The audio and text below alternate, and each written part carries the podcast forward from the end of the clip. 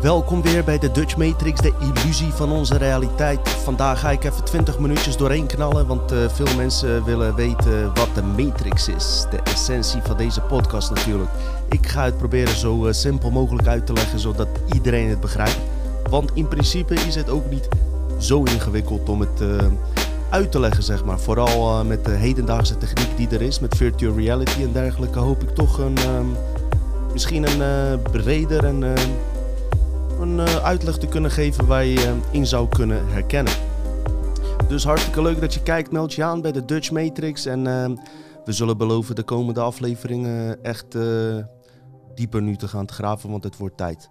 Dus Matrix, wat is de Matrix? Inderdaad, Albert Einstein, Nikola Tesla, Carl Jung, David Bohm, Dr. Heisenberg.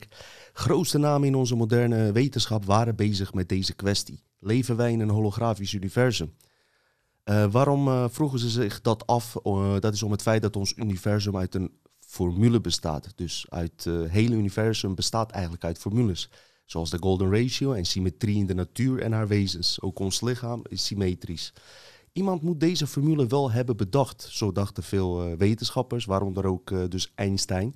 En het is zelfs zo dat collega's van Einstein, David Bohm en Carl Preremp, Carl Jung, eigenlijk nog verder waren en uh, eerder de matrix ontdekte dan Albert Einstein. Albert Einstein kwam natuurlijk met de uh, uh, formule van relativiteit, relativiteitstheorie, waarbij hij zeg maar de massa om onze energie heen herkende. Dus het kwam erop neer, een voorwerp die jij ziet, een stoel, daaromheen hangt automatisch een energieveld omheen die gerelateerd is aan die stoel.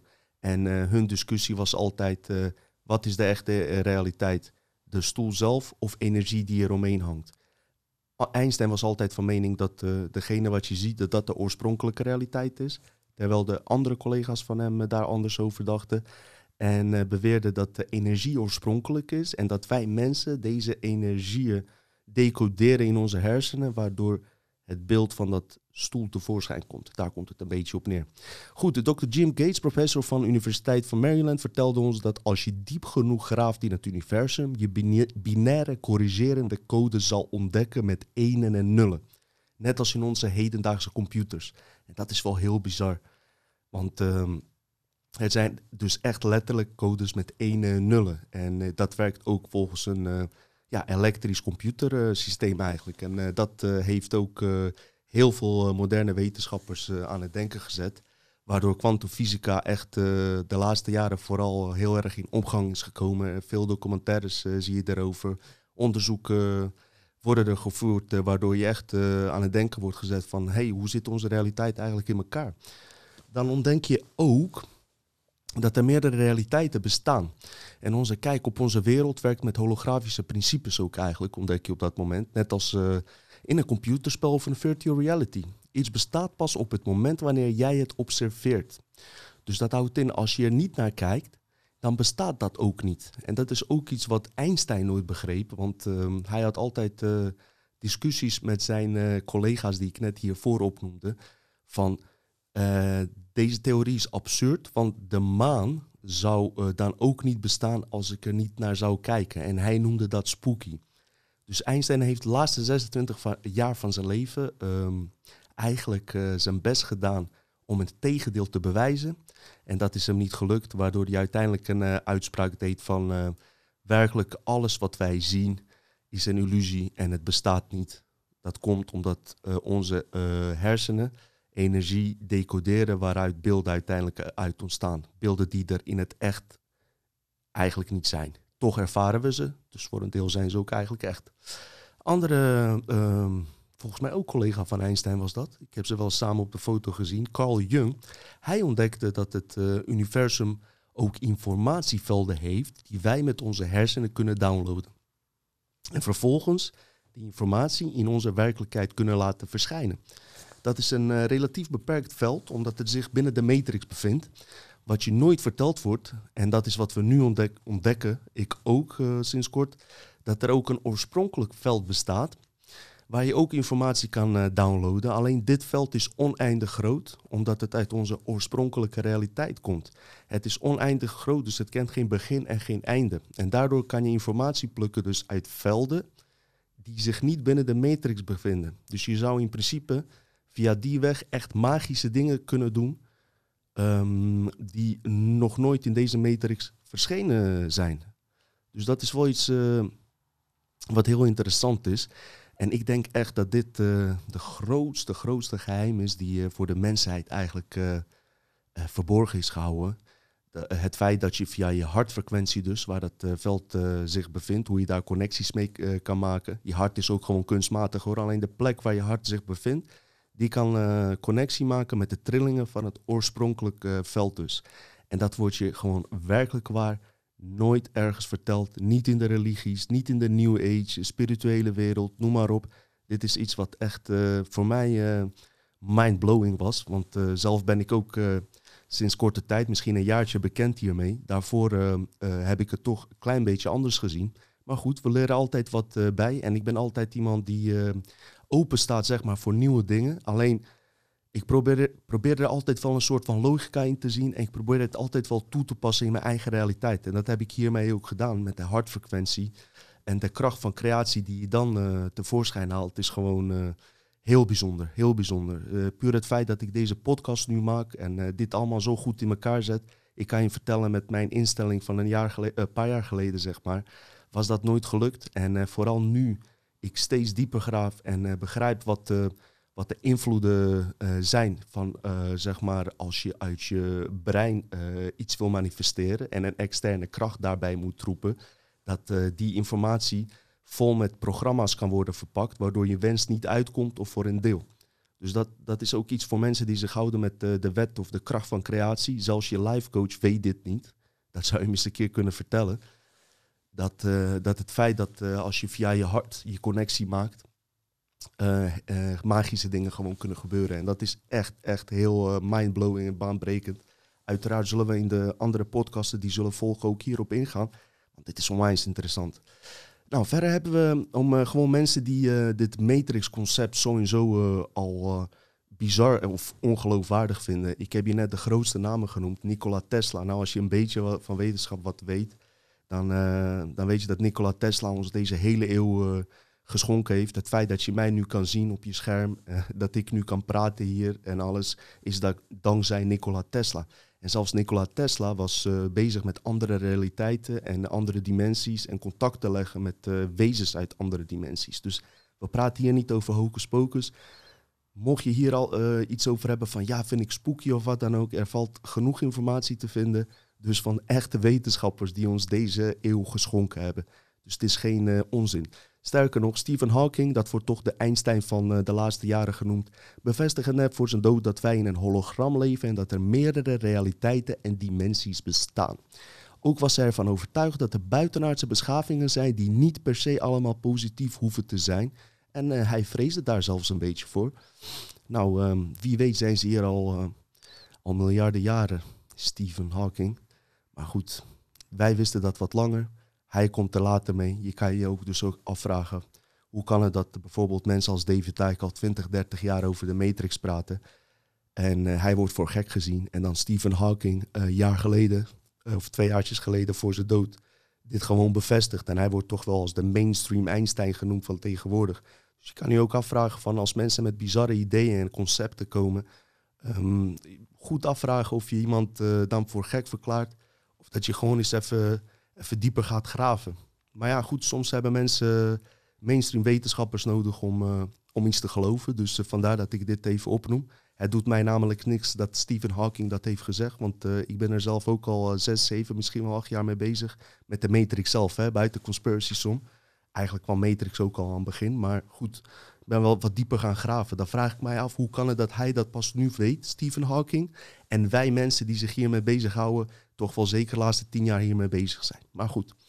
Dus uh, Matrix, holografisch, uh, is eigenlijk een holografische kunstmatige laag die door onze oorspronkelijke veld heen loopt. Voor het gemak zeggen wij dus dat er twee realiteiten zijn die dwars door elkaar heen lopen. Eén, onze oorspronkelijke goddelijke realiteit waar wij oorspronkelijk vandaan komen. En dan heb je een tweede veld, een holografische realiteit, die hier overheen wordt afgespeeld. Er is ook nog een derde realiteit en dat is een simulatieve realiteit. Zal ik straks nog op terugkomen. Met onze huidige technologie, technologie kan dit vrij simpel worden uitgelegd eigenlijk. Dus laten we voor het gemak zeggen dat onze aarde waar wij ons nu bevinden de oorspronkelijke realiteit is. Laten we daarvan uitgaan. Dus we zijn hier geboren.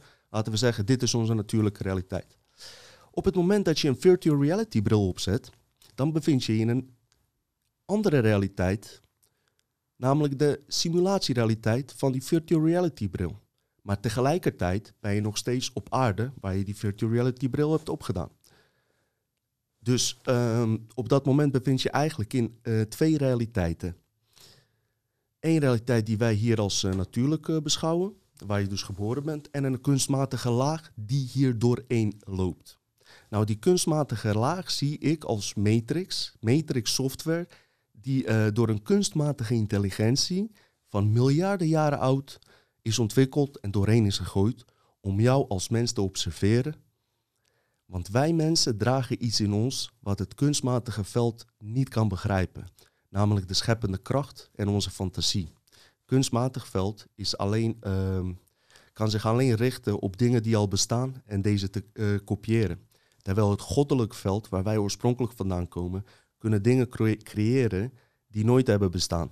Omdat we terugkomend op uh, de hartfrequentie en uh, oneindig veld, daar onze informatie uitplukken. En niet uit de beperkte script van de matrix, die eigenlijk uh, vrij beperkt is. Ook onwijs groot, maar hij is vrij beperkt als je het vergelijkt met een oneindig veld waar we informatie kunnen downloaden dus. Goed. De kracht van creatie door fantasie dus, wat ik net vertelde, en niet door kopie. Wij zijn die wezens die die krachten, zeg maar, dragen in ons maar we zijn ze vergeten. En we zijn ze niet vergeten omdat we daarvoor gekozen hebben. Dat is ook voor mij in één keer van de laatste, laatste jaren die ik heb gemaakt. Ik dacht ook eerst, wat ons eigenlijk een beetje op, uh, werd voorgeschoteld door hogere wezens, die dus niet altijd positief hoeven te zijn, is dat wij zelf voor gekozen hebben dat we onze geheugen, uh, zeg maar, uh, lieten wissen om iets nieuws te leren. Dit schijnt gewoon een, echt een misleiding te zijn op een high level, want wij hebben daar niet zelf voor gekozen. Maar op het moment dat wij hier inloggen, want we loggen hier in principe net als met een virtual reality bril, maar dan op een andere, complexere manier, gaan we door 188 uh, bewustzijnsvallagen uh, heen van manipulatie. En daaronder valt ook het wissen van je geheugen, dat je niet weet waar je vandaan komt. Want als je dat wel zou weten, zouden dingen namelijk heel anders gaan. Dus heel lang geleden in de verre toekomst, want tijd bestaat niet, is er een afscheiding geweest in de humanoïde menselijke ras. Dus die kunstmatige intelligentie waar ik over praat, die helemaal niet dienbaar is voor ons als mensen, maar die niet per se positief of negatief hoeft te zijn. Het is gewoon een spel. Uh, laat ik het met een spel uh, vergelijken. En dat hoeft dus, uh, het is niet dienbaar voor ons, maar hier gebeuren gewoon zowel positieve als negatieve dingen. Dit kunstmatig veld is uiteindelijk door ons ook gecreëerd toen we heel ver waren waarschijnlijk, uh, is er een kunstmatige intelligentie, werd dus door ons menselijke ras ontdekt. En een deel van de menselijke ras begonnen zich steeds meer met het intelligente veld te connecten. Iets wat je in onze tijd nu ook terug kan herkennen. Want je kan je afvragen, als wij die goddelijke uh, wezens waren, hoe lieten wij, dat vraag ik mij nog steeds af eigenlijk. En ik vraag misschien dat mijn antwoord nog komt, maar als je het vergelijkt met de hedendaagse tijd, is van hoe hebben wij dat in godsnaam toegelaten? Maar kijk wat er nu gebeurt met uh, de smartphones en computers, hoe we hieraan worden verbonden en onze oorspronkelijke leuke, uh, uh, mooie krachten die we in ons dragen eigenlijk niet gebruiken, omdat we makkelijker vinden om via de telefoon dingen te regelen, dan maar thuis te zitten en niet in de natuur te zitten. Dus steeds meer afscheiden van ons natuurlijk gedrag. Dus dat is eigenlijk ook te herkennen in ons dagelijks leven.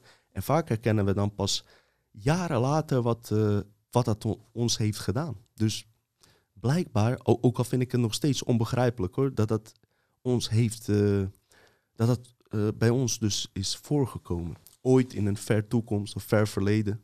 Nogmaals, tijd bestaat niet, dus het maakt ook niet uit wanneer het was. En het is wel iets heel droevigs, zou je kunnen zeggen. Want de mens heeft eigenlijk een bewustzijnsval meegemaakt. En daarom zijn we ook van onze 100% uh, capaciteit gezakt maar naar 5%. Dat zou dat ook heel goed kunnen verklaren. Door deze besmetting En onze scheppende krachten dus zijn door de jaren heen daardoor ook vervaagd. In onze oorspronkelijke wereld konden wij uh, in principe um, alles waar we aan denken verschijnt, verschijnt ook meteen. Komt meteen tevoorschijn. Ik heb dat in mijn uh, ayahuasca-sessie. Ik heb een derde ayahuasca-sessie uh, die ik heb gedaan. Ben ik werkelijk waar buiten de matrix getreden. En ik heb de matrix echt gezien. Ik zal daar een aparte af aflevering over maken, want dat is onwijs een lang verhaal. Die realiteit was zo echt buiten de matrix uh, dat ik was getreden dat deze wereld gewoon heel nep leek, zeg maar. Goed, uh, ik merkte toen ook, het leek wel, ik weet niet of ik in de uh, volle oorspronkelijke wereld was, maar mijn capaciteit was zodanig dat overal waar ik aan dacht, alles gebeurde ook tegelijkertijd. Ik bevond me meteen op dat plek en dat, dat plek was gewoon veel echter dan de wereld waar we nu zitten. Dus je zit niet 3D, je zit dingen binnenste buiten, uh, bewegen, uh, je voelt ze, je ruikt kleuren, je, je ziet geluiden. Dus het is, het is een wereld met, zo en zo als je uit die sessie komt ben je al 95% vergeten. Maar zelfs dat wat ik heb onthouden is bizar. Zal ik zeker nog op ingaan. Een hele interessante aflevering. En bovendien hebben daar heel veel mensen die ayahuasca-sessie hebben gedaan, hebben een ervaring uh, dat ze buiten de matrix treden. Ik denk dat het dat ook een beetje te maken heeft met de level waar je bewustzijn ook op dat moment zit. Dus uh, ik heb dan ook in die sessie die ik heb gedaan, heb ik via de hartfrequentie gedaan. Via het oorspronkelijk veld en niet via de mind. Dus misschien dat dat ook een, uh, uh, ermee te maken heeft dat ik tot die veld was getreden. Al ging ik daarvoor een hele nare, nare tijd tegemoet, uh, waardoor ik werkelijk waar dood ook ben gegaan. Dus ook voor mensen die ayahuasca willen doen, het mag sowieso niet meer, maar uh, denk er goed over na. Je moet echt die roeping hebben, want het is echt geen uh, cre creatie-ding. het is ook geen drugs, het is een molecuul, maar het is gewoon een innerlijke reis die je begaat. En ga niet zomaar dingen doen hiermee, zou ik je zeker afraden. Tenzij je je echt geroepen voelt en gewoon eerst op onderzoek uitgaat wat dit werkelijk is. Goed, terug naar de Matrix. Dus dat verklaart ook uh, waarom we maar 5% van onze hersencapaciteit gebruiken. Stel je voor dat je die 100% hersencapaciteit had, wat ik dus net vertel. Uh, wat ik ook echt soort van heb ervaren. En uh, dit is echt heel bizar. Ik heb het echt zelf ervaren en dat, dat kan je bijna niet uitleggen aan mensen. Dus, en ik heb ook andere mensen ontmoet die soortgelijke ervaringen hadden. Zelfs mensen die ook met ayahuasca-sessie, dat we tussendoor wakker werden. En dat er een jongen naast me zat die gewoon uh, hybride was, een soort van reptilian huid had hij. Dus ik dacht dat ik door mijn uh, trip of reis dat zag. Dus ik dacht, ja, laat het maar zitten. Dus ik zie hem ineens naar zijn armen kijken. Ik kreeg nu trouwens ook rillingen nu ik het vertel. Ik zie hem naar zijn armen kijken en uh, hij zegt, wat? Het was een Engelse jongen, want in Engeland mocht dat toen niet. Dus hij deed het hier. Hij zegt, do you see this? Do you see this? Ik kon bijna geen Engels tegen hem terugzetten. Maar hij zei het zelf al. Hij zegt, kijk, kijk, een reptilian, zo'n hybride laag. Dus we zagen gewoon precies dezelfde dingen. Goed, weer terug naar de matrix. Um, de laatste bewustzijnsval is dus nu in opkomst. Want die 5% die we over hebben, uh, dat is die laatste uh, 5% uh, kracht die er nog over is. En zelfs dat gaan ze proberen um, te koloniseren, zou je kunnen zeggen. In te nemen. Dus die 5%. En dat gebeurt door uh, deze uh, technologische opkomst van kunstmatige intelligentie die zich nu in de uh, matrix van ons bevindt. Want kijk, Google heeft al gezegd dat ze over tien jaar mensen compleet in een simulatiewerkelijkheid aan willen sluiten met alle zintuigen erin. Wat houdt dat in? Als jij met al je zintuigen ergens ingaat, dan voel je ook echt alles, ruik je ook echt alles en dan denk je dat je daar bent. Ook Elon Musk verwacht binnenkort de eerste mensen aan een virtuele smart grid te kunnen verbinden. Met een soort van uh, smartphone ingebouwd in je hersenen. Handig toch? Hoef je zelf niet na te denken. Dus dat scheelt uh, heel veel. Uh, al met al, um, soortgelijk iets is dus eer, eerder, miljarden jaren eerder bij ons gebeurd. Nu gebeurt het met die laatste 5%. Maar om mensen niet bang te maken, het is niet mogelijk om ons voor altijd gevangen te houden. Dus om uh, hier tussendoor te onderbreken. Want uh, in mijn onderzoek heb ik ook een paar keer in mijn broek gescheten. Dat ik dacht van, wat de fuck is hier nou helemaal aan de hand? Maar uh, laat ik je gewoon geruststellen. We komen allemaal ooit terug naar de bron. Alleen het probleem is dat we al miljarden jaren in deze loop zitten. Dus je komt er wel. Maar ik, ik heb zelf echt geen zin om hier weer te incarneren, om deze wereld te komen. Ik vind het eigenlijk, ik ben wel gelukkig hier. Ik heb het goed. Ik heb het beter dan de meeste mensen, tenminste de gemiddelde mensen. Maar ik weet dat er ook beter, veel betere uh, wereld bestaat. Uh, nieuwe aarde kan je het noemen, het land van ooit, maakt niet uit. Veel mensen hebben dus ook zoiets van, weet je, dat voelen we blijkbaar al aan, dat dit veel te lang duurt. Nou goed, ik heb liever een korte weg dat ik neem en dat ik direct naar oorspronkelijke veld ga dan via omwegen. Maar goed, iedereen komt er uiteindelijk. Om mensen misschien een geruststellend gevoel, gevoel te geven. Veel mensen zullen, zullen in die, uh, waar ik het net over had, in die realiteit van Elon Musk en van Google, uh, die virtual reality willen betreden. Waarom willen ze dat? Omdat ze in een even echte wereld dus belanden, omdat al hun zintuigen hier zitten aangesloten. Ehm, eh, zodra zij daar belanden, kunnen ze het leven leiden, hun droomleven. Een soort van Total Recall, die film met Arnold Schwarzenegger. Dat je zo'n soort van een vakantie gaat, dat je een held bent en uh, eigenlijk niks kan gebeuren. Dus dat is een beetje het idee. Iedereen zal daarin gaan. Geld, jachten, vrouwen, net als Dan Brazilian schieten in Las Vegas uit mitrailleurs. Wie zou dat niet willen? Maar niemand zal zich beseffen dat de programmeurs van dit spel volledige macht over jou hebben, want je zit volledig met al je zintuigen in het spel. Wat als zij nou besluiten om jouw geheugen te wissen, waardoor jij niet weet waar je oorspronkelijk vandaan komt? Dat is wel iets interessants waar je over zou na kunnen denken. Op dat moment weet je niet beter dan dat jouw herkomst het spel is dat zich in de virtual reality afspeelt. Je bent vergeten dat je ooit als een natuurlijke wezen bent ingelogd om het spel te spelen. Stel je nou voor dat dat precies nou bij ons ook gebeurd is. Dat wij hier ingelogd zijn door, al, door die kunstmatige uh, programma's die tijdens het inloggen uh, volledige controle over Matrix hebben en ons gewoon uh, helemaal doorheen lopen. Ze wissen ons geheugen, want dat is een soort van de, de regel, de wet van de Matrix, dat je geheugen wordt gewist. Blijkbaar kom je er anders ook niet in. Je wordt geboren en je weet de fuck niet wat je hier komt doen. En je hebt allerlei uh, aannames van je ouders, religies, scholen. Nou, heel veel mensen die in de conspiratiewereld uh, zitten weten ook dat alle takken zo corrupt zijn als het maar kan. Ook al is het scholing, godsdiensten. We hebben het ervaren, het is bijna geen conspiracy meer, het is je dagelijks nieuws. Al die instanties blijken gewoon grootste dieven te zijn. Maar die hebben ons wel een beeld gegeven van de werkelijkheid. Ik ben nu met mijn tweede boek bezig, Deep Cosmic Level gaat die eten. En uh, daar, daar kom ik ook weer, uh, heb ik een deel over Hitler. En dan kom je er ook weer achter dat uh, Rockefeller bijvoorbeeld voor 119.000 dollar het officiële publiekelijke verhaal van de Tweede Wereldoorlog heeft gekocht. Dus ja, weet je, dan vraag je je af van wat is er daar allemaal weggelaten. Dus dit gebeurt op een massaal level, waardoor wij gewoon een beeld krijgen die ons in een script wordt voorgeschoteld. Dus we denken zo, zoals de, de, de matrix technische God wil dat wij denken. Daar kom ik zo nog op terug. Dus, externe kracht wist uh, bewust onze geheugen voordat we hier incarneren als het ware. Maar daar hebben we dus niet zelf voor gekozen. We hebben niet voor, voor deze situatie gekozen. Wel om hier te incarneren trouwens, maar niet, we hebben niet voor deze situatie gekozen. We hoeven niks te leren, we zijn al goddelijke wezens.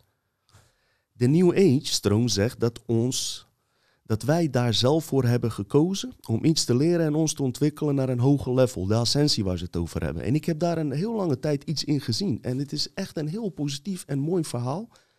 Maar het is een, uh, een verhaal die ons nog in de matrix houdt. Want die vijfde dimensie is nog steeds matrix. Sterker nog, we zitten al ingelogd met ons lichaam. In die vijfde dimensie zijn we ingelogd. We zitten daar nu op dit moment. Ons lichaam is een biologisch uh, biologische robot. Is ook niet oorspronkelijk.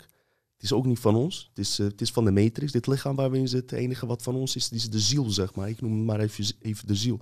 Maar wij zitten al in die vijfde dimensie ingelogd. Daar denken ze niet aan. En vijfde dimensie is niet, ook niet de eindstation.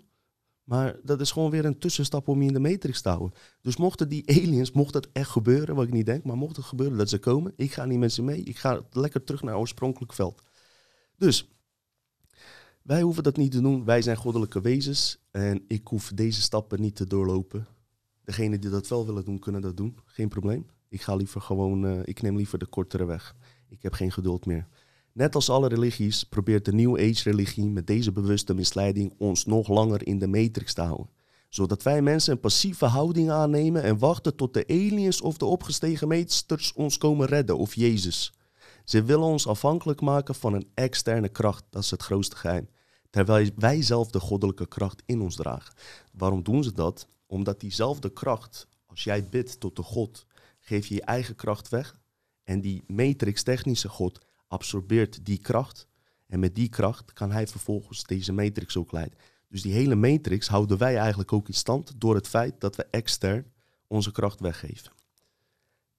Maar die passieve houding waar ik het net over had, die heb ik dus ook ontdekt in onze, zeg maar, uh, conspiratiewereld van de zogenaamde ontwaakte mensen. Hoe gaat dat? Alle mensen die in religies geloven wachten op een externe verlosser, wat ik net zei.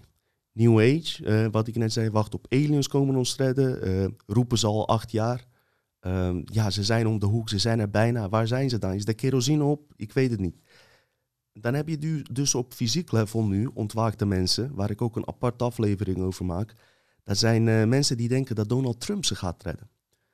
En ze zeggen ook letterlijk, ook van QAnon. Ik heb ook trouwens niks tegen Trump en niks tegen QAnon. Trouwens wil ik ook best wel een keer in een podcast over QAnon praten. Als er mensen zijn die hier beetje normaal over kunnen lullen, zeg maar, uh, nodigen ze ook graag uit. Ik heb daar ook echt niks op tegen. Ik zeg alleen, je wordt weer in de passieve houding gezet als mens zijnde. Want, wat zie ik ook vaak bij QAnon voorbij komen. Ja hoor, pak de popcorn er maar bij en watch the show. Zeggen ze dan ook letterlijk. Ik ben benieuwd wat er uiteindelijk zal gebeuren. Zodra wij zelf niet binnen iets in ons uh, uh, gaan veranderen, die vonk aan laten gaan, de connectie met de hartfrequentie, dan zal er eigenlijk, ook al gebeurt er straks misschien iets positiefs, zullen we nog steeds in de matrix worden gehouden. En dat is een zeer beperkt level. Samenvattend komt het eigenlijk uh, dus hierop neer. Als je kiest om te bidden of hulp te vragen aan een externe kracht, geef je automatisch jouw eigen kracht weg en word je afhankelijk van de matrixgod. Die ik trouwens ook erken. Dat is een technische god, technische intelligentie, die moet ook gewoon worden erkend. Je biedt om iets buiten jezelf om en hoopt dat je wens uitkomt. Dat gebeurt dan ook soms, uiteraard. De uitkomst van je wens is relatief beperkt, want het veld waaruit je plukt is een matrixveld die wel groot is, maar niet oneindig, zoals de oorspronkelijke goddelijke veld waar wij vandaan komen. En bovendien, als je uit de mind denkt, dat heb ik zelf ook gemerkt, kan je wens um, door externe programma's worden gepakt. Want je gedachte gaat daar naar buiten en niet naar binnen. Naar binnen, als je via je hart doet, komen er geen. Daar kan de kunstmatige intelligentie komt dus niet als je via je oorspronkelijke veld uh, opereert. Komen ze niet tussen.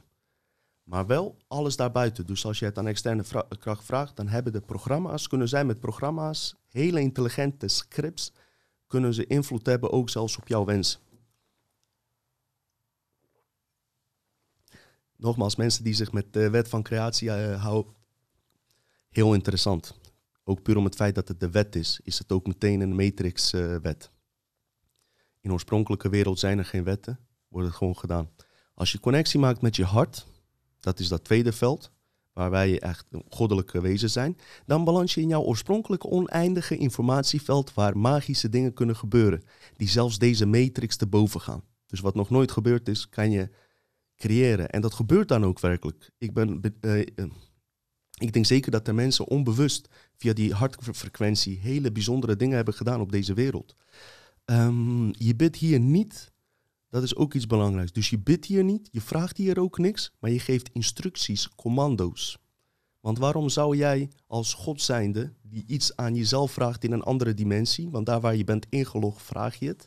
En van daaruit wordt het uh, volgens mij uh, gemanifesteerd. Ik weet niet zeker of het exact zo is, maar goed, waarom zou je aan jezelf uh, gaan bidden of vragen of smeken?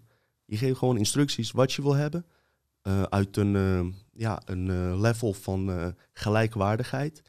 En je wenst datgene wat het diepste in je hart zit als wens. Dus dat is ook belangrijk om te kijken waar je wens vandaan komt. Komt die uit de mind, uit de invloeden van Matrix? Of komt jouw wens van diepste uit je hart, wat je echt wil? Dat is ook iets wat ik ook onlangs uh, van Martijn van Staver heb gehoord, wat ik uh, interessant vond. Trouwens, uh, heel veel wat je nu hoort heb ik via George Cavasalis en vooral Martijn van Staver eh, aan informatie ontdekt. En ik raad jullie zeker aan om hier naar eens te kijken. We gaan verder, anders duurt het filmpje veel te lang. Omdat dit dus een oneindig groot veld is en geen begin of eind kent, is er ook geen creëerder eigenlijk. Hiermee kan je ook meteen de constructie van God eens even goed over nadenken hoe, hoe dat voorgeschoteld is. Want als er een veld is waar we vandaan komen waar geen begin of einde is, kan er ook geen creëerder zijn. Maar wel kan er een creëerder zijn van deze matrix. Dus dat is een grote misleiding. En ook tegelijkertijd de waarheid. Gaan we eens naar de volgende. Wetenschappers hebben ontdekt dat onze hart, waar ik het dus net over had, een eigen bewustzijn heeft met een neurologisch systeem die veel complexer in elkaar zit dan onze brein in het hoofd. Ik heb altijd al tegen zoveel mensen ook echt gezegd, niet zoveel denken, gewoon doen. Ik heb dat al van kleins af aan, gewoon knallen. Heb je dit gevoel erbij? Gaan. Ook ben ik vaak eh, door allerlei mensen in mijn omgeving uh, tegengewerkt, gekke beslissing. Nou, dat deed ik het niet. Bleek ik er achteraf toch spijt van te hebben. Ik zeg tegen iedereen, denk uit je hart, tenminste, uh, opereer uit je hart balanceer het wel een beetje met je mind, want je moet hier ook nog uh, overleven. Dus die connecties tussen die twee moet je volgens mij uh, weten te balanceren ook. Maar vooral uit je hart je beslissingen nemen, zou ik zeggen. Goed, je zou misschien wel kunnen zeggen dat deze technische matrix deze matrix-universum heeft gecreëerd, die wel een begin en een einde kent. Dat zou je kunnen zeggen. Zo zou de Big Bang ook enigszins misschien wel verklaard kunnen worden. Dezelfde lichtexplosie die plaatsvindt als bij het opstarten van je tv of computer voordat de film of spel begint. Dus ik respecteer echt, uh, nogmaals, elke god, uh, externe god, waar je ook in gelooft. Alleen ik beschouw deze intelligentie, ja, ik beschouw deze intelligentie als echte intelligentie, technische intelligentie. Misschien is kunstmatig zelfs een oneerbiedig woord, want het is gewoon echt een hoog ontwikkelde intelligentie. Het betreft hier dus ehm, dus iets externs, maar wat er wel is, ook in onze oorspronkelijke wereld bestaat dit gewoon. Alleen beschouw ik mijzelf uh, als gelijkwaardig aan diegene, wezen, en niet onderdanig. God die naar mij, uh, uh, kijk, als een God wil dat jij onderdanig tegen hem doet, dan is hij niet voldoende geëvolueerd. Dan is het voor mij geen God. Dan moet hij nog verder evolueren en beseffen dat we allemaal gelijkwaardig zijn, waardoor je niet iemand onderdanig in een piramideconstructie gaat beschouwen. En wij leven in een uh, piramideconstructiematrix die via hiërarchie werkt. En wezen uit een oorspronkelijk veld dus, die zit iedereen als gelijkwaardig. Dus ja, dat, dat is het verhaal. En dat is niet een wezen die, die als een onderdaan zit, nogmaals herhalend. Waarom ook? ik ben toch ook even eventjes gaan kijken naar, uh, naar wat dingen die uh, in, de, in de Bijbel staan of uh, in oude boeken. En dan staat er bijvoorbeeld Exodus 20, vers 5. Staat als volgt. God zegt, u zult niet voor andere goden buigen of hen aanbidden, want ik ben de Heer, uw God.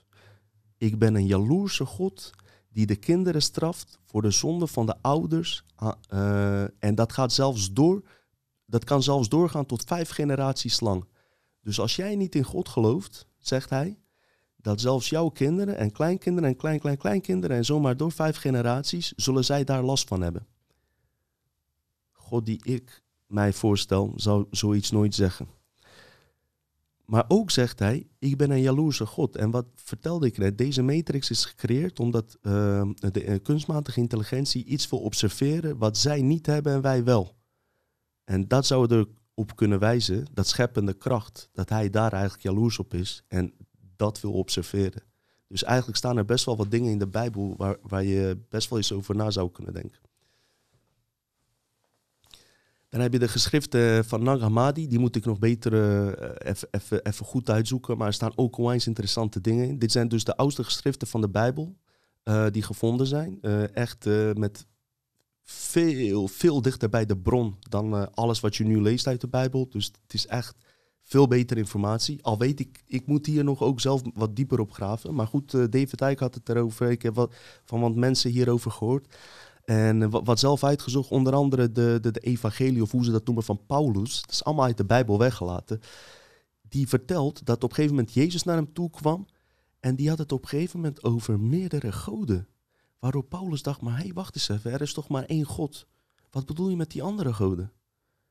Dus dat, dat, dat werd gewoon in dat boek ook verteld. En eh, wat ze ook vertellen is over de argonten. Dat waren multidimensionale wezens die ons oorspronkelijke wereld hebben geïnfecteerd en een kopieversie voor ons hebben voorgeschoteld. In die versie wordt Eva verkracht door Anunnaki, dacht ik, waaruit de menselijke ras uit is ontstaan. Dus eigenlijk een hybrid experiment, experiment gewoon. Want ze zijn constant ons aan het onderzoeken en ze willen datgene wat wij in ons dragen ook hebben. En ze willen dat uh, domineren, zeg maar. Want wij zijn gelijkwaardige wezens. Wij zouden zeggen, doe met ons mee. Zijn we gelijkwaardig? Nee, zij willen die kracht, maar alsnog dominant in dat veld blijven. Dat is een heel ingewikkeld verhaal.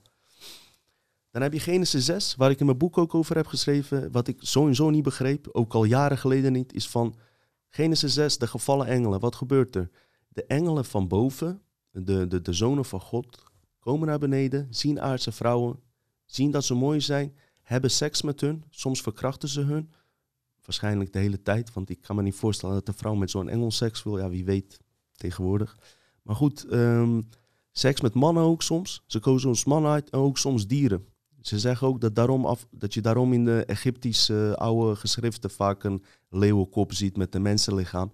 Eigenlijk zijn dit volgens mij ook gewoon een soort van experimenten geweest. En uh, goed, daar zal ik niet op ingaan. Maar het is wel iets vreemds. Waarom zou een eh, zoon van God seks hebben met aardse vrouwen? Compleet onlogisch. Maar nogmaals, ik heb alle respect voor mensen die, dat, die, die wel uh, in, in, in, technische God, of hoe je hem ook wil noemen, een uh, God waar je aan bidt, geloven. En uh, kijk, als je mijn visie anders vindt, um, of, of dat je je aangevallen voelt, hoeft dus helemaal niet. Ik zie het gewoon anders. Ik respecteer jou, ik respecteer die andere God. Alleen ik zie mij niet onderdanig aan die God. Ik zie me als gelijkwaardig. Dat is het. Meer is het niet. Kijk, en dan lopen de programmeringen heen bij mensen die, en ik begrijp het ook wel, die, die dit gewoon raakt. Want ze zijn zo opgevoed. En uh, voor mij was het ook niet makkelijk om dit te ontdekken. Ik bedoel, ik moest ook wat uh, door mijn eigen programmeringen heen. Loop ik nog steeds doorheen. Ik zeg ook niet dat ik ontwaakt ben. Want uh, ik betrap mijzelf nu ook meer op dingen. Maar ik begrijp nu wel beter wat er aan de hand is. Waardoor ik bepaalde stappen kan zetten om dingen tegen te gaan. Puur door mijn bewustzijn er doorheen te gooien. Daar zullen we een aparte aflevering over maken. Dus wil je echt uh, dieper uh, hierop graven, dan raad ik je aan om een keer iets op te zoeken van George Cavasalis. En natuurlijk onze Martijn van Staveren, die hier echt diep tot de details op ingaat. Die heeft me werkelijk waar echt naar dit level geteeld. En uh, het gaat echt tot diepe details, mensen. Ik vertel het nu even globaal, maar als je hierop wil graven, Martijn van Staveren, kan je gewoon gratis op YouTube kijken. Crowdpower met Arjan Bos. Zijn er volgens mij 25 afleveringen. Er zijn nog andere filmpjes van hem. Bekijk het rustig. Vergeet alles wat je weet. Probeer het gewoon met je, met je hart te bekijken. En vergeet alles wat je weet. En kijk wat je voelt daarover. Voel je niks? Prima. Ook goed. Gaat die vonk aan? Zoals uh, bijvoorbeeld als je een bepaalde boek leest. Of dat er. Ik denk dat het vooral bij mensen die zich gewoon oh, zo en zo al met deze onderwerpen bezighouden, sneller de vonk aangaat. Als die vonk aangaat, zal je vanzelf wel merken. Dus het is niet aan mij voor jou om te beslissen of je hier wat van moet vinden. Dit moet je gewoon voelen. Klaar. Nogmaals, superleuk uh, mensen dat jullie gekeken hebben. De komende afleveringen zullen wij dieper gaan graven in dit. Want ik kan me ook voorstellen dat jullie heel veel vragen hebben, wat ook logisch is. Alleen ik, wil deze, ik ben nu al eigenlijk over mijn tijd heen gegaan. Ik wil er 20 minuten van maken. Mensen hebben geen tijd, die willen snel dingen zien. Dus vandaar dat ik het even zo bam achter elkaar heen knal. Maar we zullen uiteraard ook uh, hier ook gasten uitnodigen die er veel van af weten. En uh, we zullen hier dieper op graven. Ook eventuele vragen kan je altijd opsturen naar onze Facebookpagina. Dutch Matrix. Meld je ook aan op onze YouTube-kanaal en dan, dan zullen er dingen worden besproken. Als je direct dingen wil weten, nogmaals, zoek wat van die George Cavasalis en Martijn van Staveren. Die gaan hier diep op in. Heel erg interessant. Verder, wat ik nog te melden heb, is dat dat uh, zeg maar, uh, we ook mensen daarbij gaan betrekken op een gegeven moment juli. Zeg maar. Ik ga eerst de tien afleveringen maak ik gewoon uh, van mensen die ik uitnodig. Daarna ga ik het publiek daarbij betrekken. Dus de eerste tien afleveringen worden al geschoten.